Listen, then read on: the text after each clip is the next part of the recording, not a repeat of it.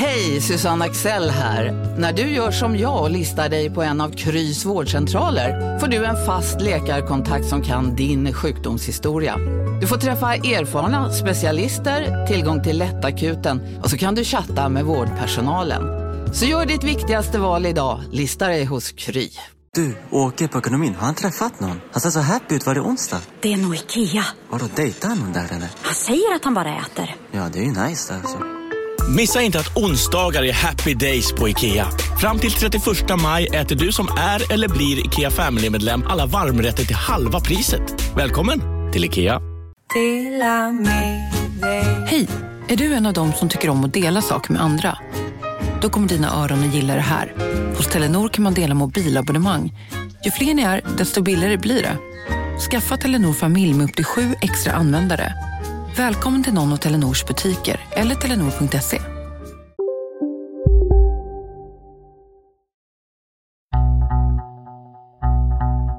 Vill du berätta själv eller vill du ha frågor? Jag berättar själv.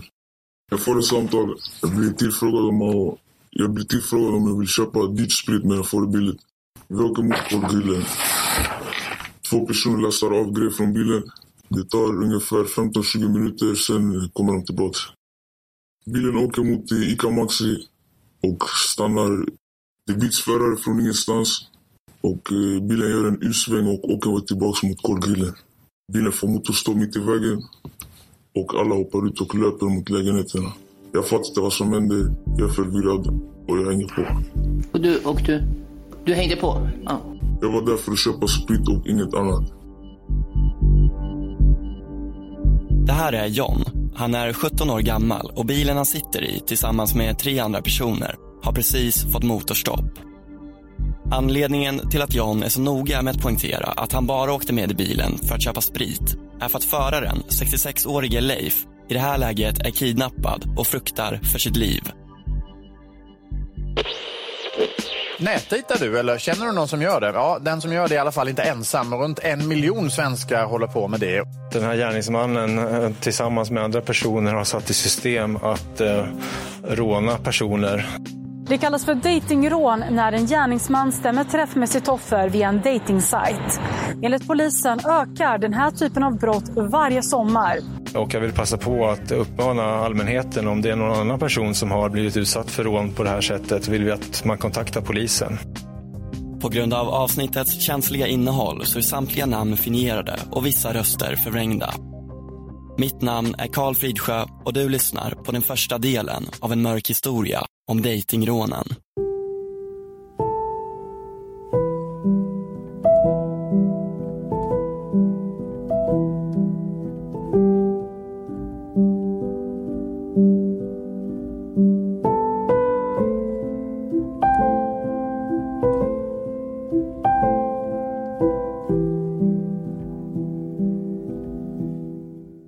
Börjar egentligen en dag innan bilfärden då en annan man, Anders, står och gör sig redo för en dejt. Han är drygt 30 och nu på kvällen ska han träffa en ung kille som kallar sig Erik. De har fått kontakt och börjat prata via datingappen Grindr. En app som framförallt hbtq-personer använder för att söka efter en partner. Vi hör Anders. Ja, eh, många, många på den appen är ute efter sex tillfälliga, tillfälliga sex, sexuella kontakter.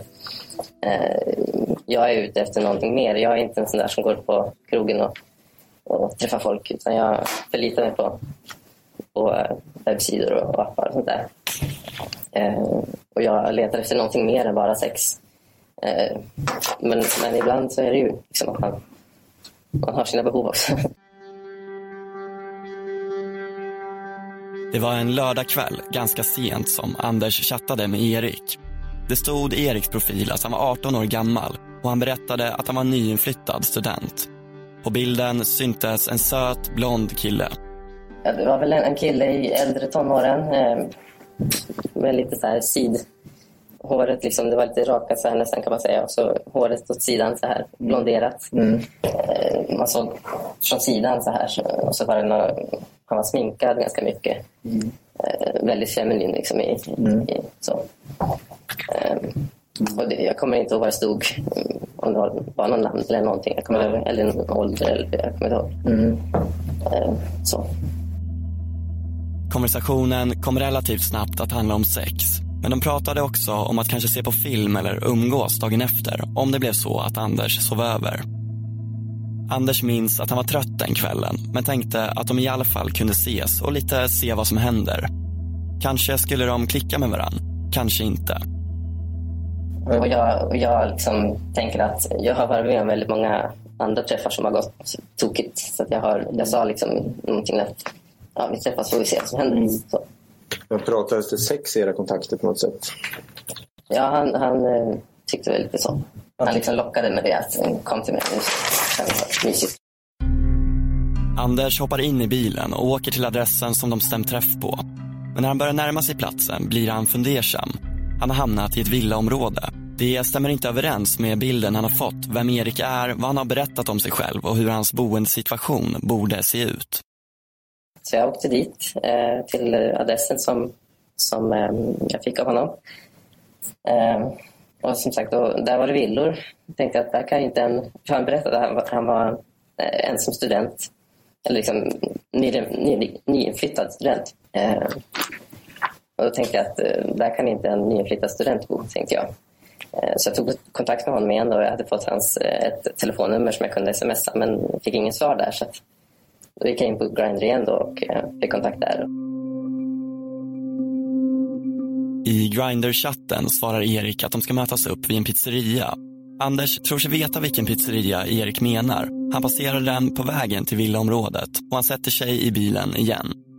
När Anders kommer fram till mötesplatsen och kliver ur bilen är ingen där. Eh, och gick förbi där och eh, såg ingen. Jag gick förbi och fick kontakt med igen och sa att jag såg det inte. Ja, och så säger han att vänd, vänd tillbaka. Eh, för han såg väl mig då kanske. Eh, och när jag vände tillbaka sen så såg jag att det stod en en person i hörnet, eh, liksom bakhörnet på, på huset. Då. Bakom huset står en man. Hans ansikte är till hälften dolt bakom en sjal. Anders börjar gå emot honom.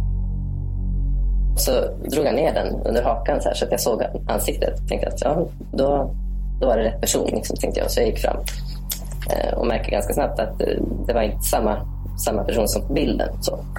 Men jag tänkte att eh, ja, för den personen på bilden var blonderad och sminkad. Så här. Jag tänkte att ja, man kan ju ändras. Det kan vara en, en gammal bild, tänkte jag.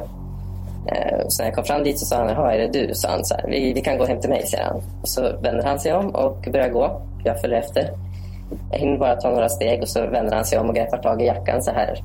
Och, eh, jag förstod inte från början, men, men han hade en kniv under, eh, under den, med den andra handen. Då. Det förstod inte jag först. Eh, och så säger han, ge mig allt du har. Jag räknar till fem. Eh, sen hugger jag. Eh, och eh, jag blev skiträdd. Så jag, och mina, mina knän de gav sig, så att jag hamnade på marken. Benen viker sig under Anders när Erik plötsligt tar fram en kniv och ber honom tömma sina ytterfickor. Anders gör som han blir tillsagd, men vädjar till mannen om att åtminstone få behålla sin mobiltelefon. Eh, det är en gammal telefon och jag försökte övertala honom att ha den kvar. Eh, men sen så sa han att räkna till tre. Och annars så bet sen hugger jag. Och då var jag ännu rädd, mer rädd. Så att då gav jag ifrån mig den. Innan mannen vänder sig om och försvinner i mörkret så signalerar han mot Anders att han ska sticka iväg i motsatt riktning. Anders blir den första av minst tre personer som går i Eriks fälla. I jämförelse med de andra två så ska det visa sig att Anders trots allt kom lindrigt undan. Även om det för honom finns ett tydligt före och efter rånet. Han berättar bland annat att han inte vågar ta ordentliga promenader med sin hund. Och eh, jag har inte ordentligt kunnat gå ut med henne på, på kvällar. Jag har gått runt höghuset där jag bor bara. Eh, och fortfarande gör jag så kvällstid, att jag bara går runt huset. Eh, och tittar mig, jag tittar mig runt hela tiden. Liksom. Jag är fortfarande rädd, fast jag förstår att eller jag vet att det är ett lugnt område jag bor i, men, men man är fortfarande rädd att det ska hända någonting. Jag Jag sprang från bilen för första månaden, liksom, när jag hade parkerat bilen till hemmet. Mm, så sprang jag nästan hela tiden. Så.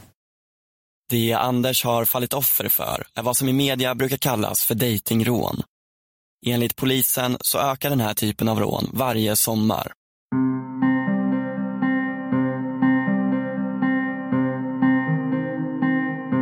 Personen som döljer sig bakom profilen Erik, eller Erik Äventyr som han också kallat sig, är 18-årige Amir.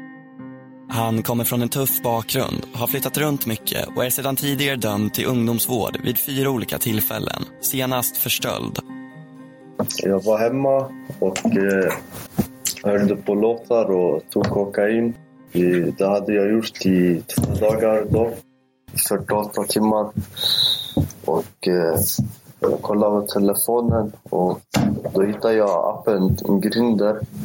Och jag laddade ner appen, fortsatte dra mera, kolla, höra på låtar. När du laddade ner appen, hade du redan då bestämt dig för att du skulle råna någon? Eller var det något infall du kom på sen? Eller? Ja, Jag ville bara kolla appen, vad det var för någonting. Varför då? Det var en datingapp. Jag ville kolla. Och vad jag förstår så är den här inriktad på hbtq-personer. Vad har du för sexuell läggning? Det angår inte dig. Det angår inte mig. I tingsrätten säger Amir att han inte hade något särskilt syfte med att träffa Anders. Han satt hemma, var hög på kokain och mådde väldigt dåligt. Bland annat för att en nära vän hade gått bort en vecka tidigare. Han säger att tanken på att eventuellt råna Anders kom bara minuter innan de träffades. Du hade ju en kniv med dig. Är det ovanligt att, att du har kniv på dig? Jag har alltid beväpnat. Mm. Du har alltid kniv på dig. Alltid. Mm. Antingen kniv eller skjutsvapen. Och när du tog med dig kniven, hade du bestämt dig då att du skulle råna honom? Eller? Ja. Det hade du gjort? Nej, inte riktigt. Jag tänkte på det fortfarande. Efter det när jag träffade honom, då tänkte jag ah, jag rånar han. Varför tog du med dig kniv då? Man vet aldrig, det är farligt på kvällarna. Men i tidigare förhör med polisen så har Amir gett en annan version. Att anledningen till att han laddade ner Grindr var mer utstuderad än så. Att han där kunde få kontakt med vad han kallar för rika, äckliga gubbar och tjäna enkla pengar. I det stora hela är Anders och Amir överens om händelseförloppet men det finns några detaljer där deras meningar går isär. Bland annat frågan om pengar. Tog telefon från han och 500 kronor. Och så en telefon och... En telefon och 500 kronor. Mm. Och han trodde att jag var en manlig hora när jag pratade med honom på Grindr. Och det var det. Efter det gick jag hem, tog mera kokain och var vaken i fyra dagar. Amir påstår att han utgett sig för att vara prostituerad och att Anders gått med på att betala 500 kronor för sex. Anders i sin tur medger att Amir nämnt något om pengar men att han tydligt sagt nej till det. Sen svarade du på åklagarens fråga att du, inte, du, du minns inte om du blev av med pengar. Nej, det, jag, jag är chockad. Alltså, jag vart ju chockad. Eh, så exakta så. Men, men vad jag kommer ihåg så jag gav inte jag ifrån mig några pengar alls. Utan det var mobilen han ville ha. Och din minnesbild idag också det är att du har sagt nej till att betala för sex. Precis. Mm, Okej. Han, han pratade om eh, tusen kronor först och sen så när jag sa då att så mycket pengar har inte jag, ah, 500 och liksom så, här, så han försökte eh, lite till och sådär. Så, men, men, men jag sa nej till det. Okej. För åklagaren är en intressant fråga hur pass utstuderat rånet var och huruvida det fanns uppsåt från första början. Men efter bara drygt tio minuter av förhöret så börjar Amir tappa tålamodet i rättssalen. Sen så frågade jag dig om du hade tänkt Tanken var från början att råna när du laddade ner den här appen. Eh, Och då lät det på dig som att det- var inte från början utan det var bara några minuter innan som du bestämde dig för att råna honom. Har jag uppfattat dig rätt då? Jag har inga kommentarer på någon av dina frågor bara för att du är en liten horunge.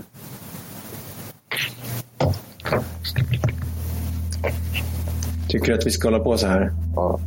Mm. Vill jag att rätten noterar att han har kallat åklagaren för en liten horunge.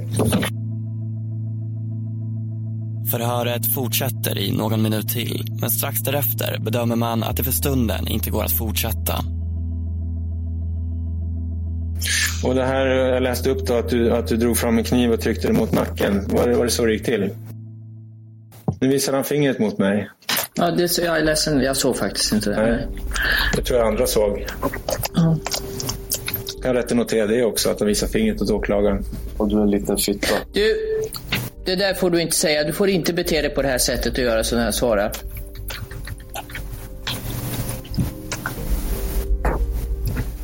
Kan vi ta en kort paus? Ja, det kanske är bra. Ja.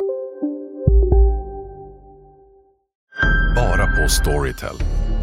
En natt i maj 1973 blir en kvinna brutalt mördad på en mörk gångväg. Lyssna på första delen i min nya ljudserie. Hennes sista steg av mig, Denise Rubberg. Inspirerad av verkliga händelser. Bara på Storytel. Om en så vidde på väg till dig för att du råkar ljuga från kollega om att du också hade en och och innan du visste ordet av bjöd du hem kollegan på middag och... Då finns det flera smarta sätt att beställa hem din sous vide på. Som till våra paketboxar till exempel. Hälsningar Postnord. Demideck presenterar Fasadcharader. Dörrklockan. Du ska gå in där. Polis? Effektar? Nej, tennis tror jag. Pingvin. Alltså jag fattar inte att ni inte ser. Va? Nymålat. Men det var många år sedan vi målade. Demideckare målar gärna, men inte så ofta. Vi tar en, vi tar en paus. Vad händer sen?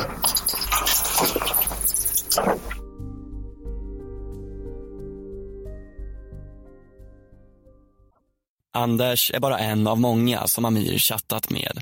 Och innan han grips av polis ska han hinna genomföra ytterligare två dejtingrån. Och metoderna blir allt grövre.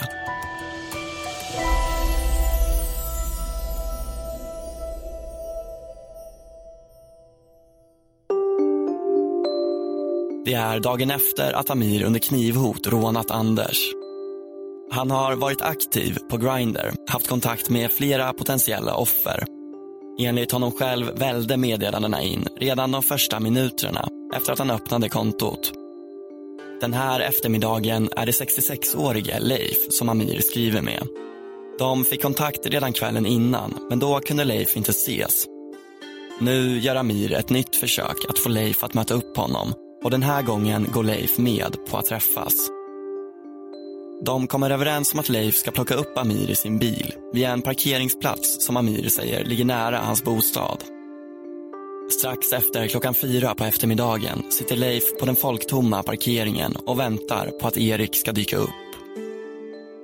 När Erik väl kommer och sätter sig i bilen märker Leif att han inte riktigt ser ut som på sin profilbild. Det är ingenting han tycker är konstigt eller som gör att han upplever situationen som olustig. Tvärtom har de två männen trevligt under bilresan. Amir är vänlig och pratsam. Han berättar om sig själv och Leif anar inte att någonting skulle vara fel. När de kommit fram till Leifs bostad i ett lugnt villaområde lite utanför stan går de in i ett av sovrummen och har sex. Efteråt går Amir ut och röker en cigarett. Det är efter det som han helt förändras. Det, jag har förstått att den här gärningen, de här gärningarna mot är något som, som slags har ångrat. Ja, det har jag. Mm. Är, det, är det helt sant? Ja. Mm. Kan du berätta lite om hur du har resonerat kring det som hände med och, och varför du har velat be om ursäkt? Nej, jag tyckte det gick fel. Mm. Tyckte du synd om honom? Ja, i efterhand gör det. Mm. Amir har bett Leif om vin och nu sitter han för en kort stund ensam i villans vardagsrum inne på sitt tredje eller fjärde glas. Han har frågat Leif om en värktablett som lämnat rummet för att hämta en åt honom. När han kommer tillbaka till soffgruppen och sträcker fram tabletten ställer sig Amir plötsligt upp med en kniv i handen. Leif tror först att det hela är ett skämt, går fram och tar tag i Amir men inser snabbt att det är allvar när han aggressivt och hotfullt utbrister att det är ett rån. Vad det var som hände och varför det blev på det här sättet? Han tog tag i mig. Och då, jag vet inte, jag blev, gick in i någon form av panik. Drog fram kniven. Han har berättat att han kommer till dig med en tablett. Ja, Är det i den situationen ja, han tar tag i dig, så som du uppfattar det? Ja. Mm. Vad var det här för tablett? Jag vet inte. Han, Kan du beskriva då hur det är han tar tag i dig? I armen. Är det då du tar fram kniven? Ja. Vad gör du med kniven? Hotar, eller jag vet inte. Riktar den ungefär mer eller mindre mot honom. Kommer in i någons chock. Säger du någonting? Det här är ett rån. Amir beordrar ner Leif på golvet. Med ett rep han haft med sig till bostaden binder han honom sen vid händer och fötter för att på så sätt ostört kunna söka igenom villan efter värdesaker. Sen har han beskrivit att, att han eh, blir bunden. Ja. Kan du berätta om, om den delen? Jag band han lite så hårt. Det är allt jag kan berätta. Mm. Jag band han men det var inte hårt. Mm. Satt han fast? Ja, men han hade kunnat ta bort repen. Mm. Det hade han. Leif beskriver i polisförhör hur Amirs humör hela tiden växlar. Medan han ligger där på golvet och Amir söker igenom huset pratar han mycket. Pendlar mellan hotfull och ångerfull och ursäktar att han behöver utsätta Leif för det här. Han hämtar till och med en kudde till Leif samtidigt som han förklarar. Du är ett offer nu, men jag har varit ett tio gånger värre offer. Medan Amir genomsöker rummen berättar han hela tiden för Leif var i huset han befinner sig. Han kommer vid flera tillfällen tillbaka till honom där han ligger för att se att han inte kommit loss. Under sin jakt på värdesaker plockar Amir på sig bland annat kontanter, sprit och champagne. Något annat av värde ser han sig inte hitta, bara kattguld som han uttryckte. Amir ringer också några samtal. Han bestämmer att möta upp personen senare. Säger att han har billig sprit och att han just är i färd att råna någon. När personen på andra sidan luren tror att han skämtar ger Amir telefonen till Leif för att han ska bekräfta. Det gör han. Jag heter Leif och jag är rånad. När Leif ligger på vardagsrumsgolvet så känner han att repen är löst knutna och att han i teorin kanske skulle kunna ta sig loss. Men han är för rädd för att göra någonting.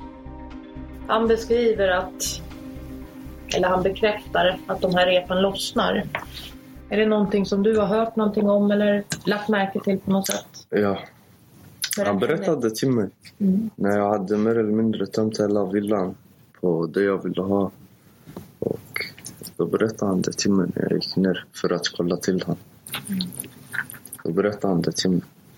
Vad gör du då? Tar bort repen runt benen, de är, skär upp dem.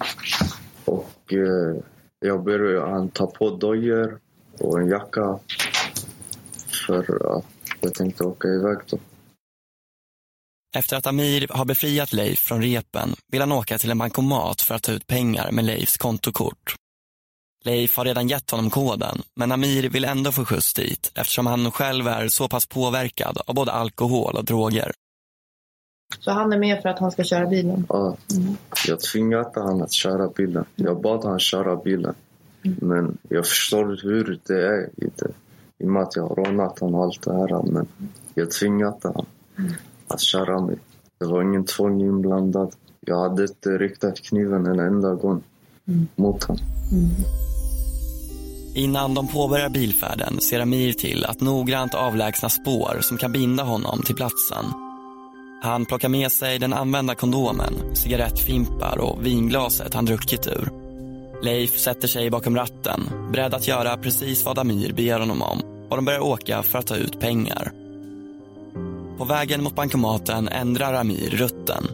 I bilen har han hållit kontakten med någon över telefon, bestämt att de ska mötas upp och när han till slut ber Leif att stanna vid en parkeringsplats hoppar två män med uppdragna huvor in i bilen. Den ena av männen är John, som vi hörde vittna i början av det här programmet. Vi hör Leif. Um, tänkte jag komma tillbaka till här du har beskrivit att du blev rädd och att du känt dig tvingad att göra allt det här. Men när det kom andra personer med in i bilden, hur påverkades din rädsla av det? Kan du säga något om det? Ja, det, det blev värre.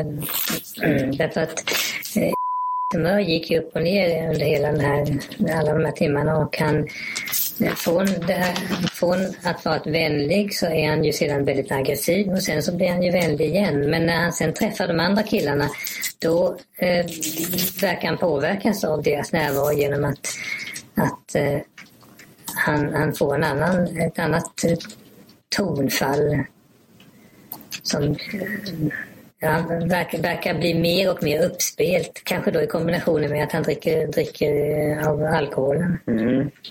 Och då blir jag mer rädd igen. Eftersom det, det känns som att nu, nu vet jag inte vad som kommer kunna hända här. Ja, men då är de plötsligt tre. Mm. Leif blir lämnad ensam kvar i bilen tillsammans med John som han upplever vaktar honom medan Amir och den andra försvinner iväg till en bankomat. Efter att ha lyckats ta ut 4 400 kronor från Leifs kort kommer de tillbaka. De hoppar in i bilen igen och beordrar Leif att köra vidare. Ytterligare en gång den här eftermiddagen blir Leif plötsligt beordrad att stanna. Den här gången i närheten av ett bostadsområde. Amir säger åt Leif att vända bort blicken, inte titta åt vilket håll de går. Männen eh, plockar sen åt sig sakerna som Amir stulit från Leifs hem och börjar gå mot ett lägenhetshus. Leif sitter kvar, återigen vaktad av John. Men vansinnesfärden är inte över. När Amir och hans kompis kommer tillbaka efter att ha dumpat grejerna, nu med en uppkorkad flaska champagne i handen, vill de fortsätta åka. Och när de kommer tillbaka och har lämnat ifrån sig allt eh, rånbyte så att säga och de, du sitter där själv med dem. Vad, hur påverkas din rädsla av det? Ja, då, då, då är det väldigt obehagligt. För att nu är de, nu är de stojiga, stökiga. Och mm, verkar vara på väldigt eh, uppspelt humör. Eh, och vi ska köra iväg och de vet inte riktigt vart de ska någonstans. Så det är häftiga diskussioner om vad vi ska köra. Mm. Vad gick det för tankar genom ditt huvud då? Nej, jag vet inte vad jag tänkte då. Jag, jag blev bara allt, allt räddare faktiskt. Och ända, ja. ja. Efter att ha diskuterat nästa destination, någon nämner bland annat att de ska åka till en kyrkogård, säger Amir till slut åt Leif att helt enkelt börja köra rakt fram. Han gör som han blir tillsagd, men bara efter några hundra meter ändrar sig Amir igen. Säger åt Leif att han ska ut, knuffar honom ur bilen och tar över ratten. Så fort Leif kommit ut ur bilen tar han skydd i en närliggande pizzeria. Har du kört bil efter att han har lämnat bilen? Du kört iväg den? Ja, jag körde den. Mm. Parkerade den utanför mig mitt på gatan. Den låg slängd på gatan så har polisen uttryckt det. Ja, tio meter eller mindre från mig. Det är kanske någonting om din körförmåga då? Jag var riktigt knarkad. Och Pillerna hade börjat verka och blandat med alkohol. Det är jättebra.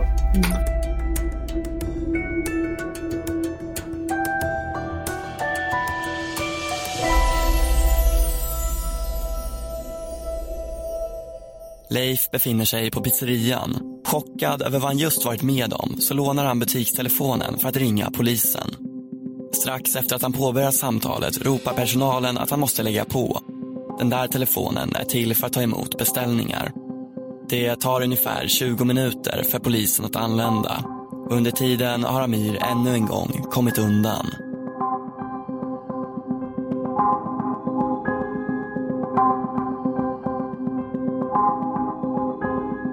Du har lyssnat på den första delen av en mörk historia om dejtingrånen. I nästa avsnitt hör vi om det sista rånet som eskalerar till en helt ny nivå och det osannolika gripandet av Amir.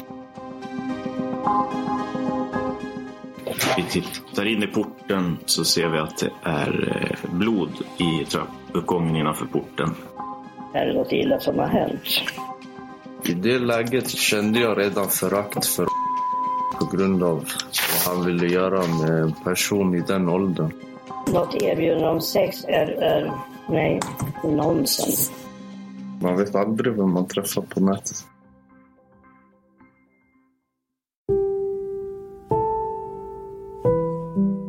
En mörk historia produceras av mig, Karl Fridsjö och Joel Silberstein Hont.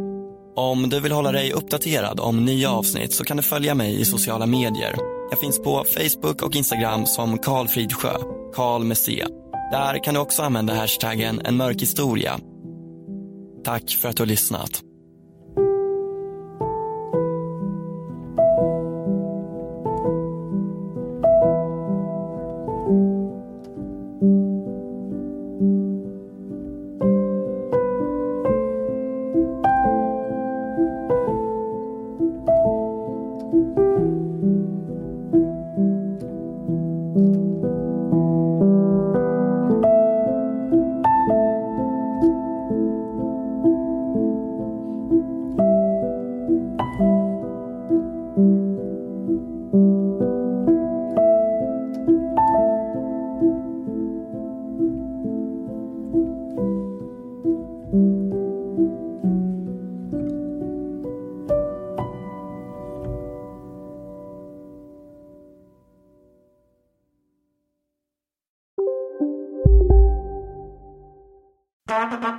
Det där var för att uppmärksamma er på att McDonalds nu ger fina deals i sin app till alla som slänger sin takeaway förpackning på rätt ställe. Även om skräpet kommer från andra snabbmatsrestauranger som exempelvis Ma...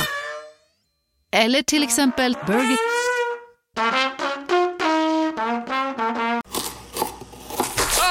Dåliga vibrationer är att skära av sig tummen i köket. Ja! Bra vibrationer är att du har en tumme till och kan scrolla vidare. Få bra vibrationer med Vimla. Mobiloperatören med Sveriges nöjdaste kunder enligt SKI. Välkomna sommaren med att... Res med Stena Line i sommar och gör det mesta av din semester. Ta bilen till Danmark, Tyskland, Lettland, Polen och resten av Europa. Se alla våra destinationer och boka nu på stenaline.se. Välkommen ombord!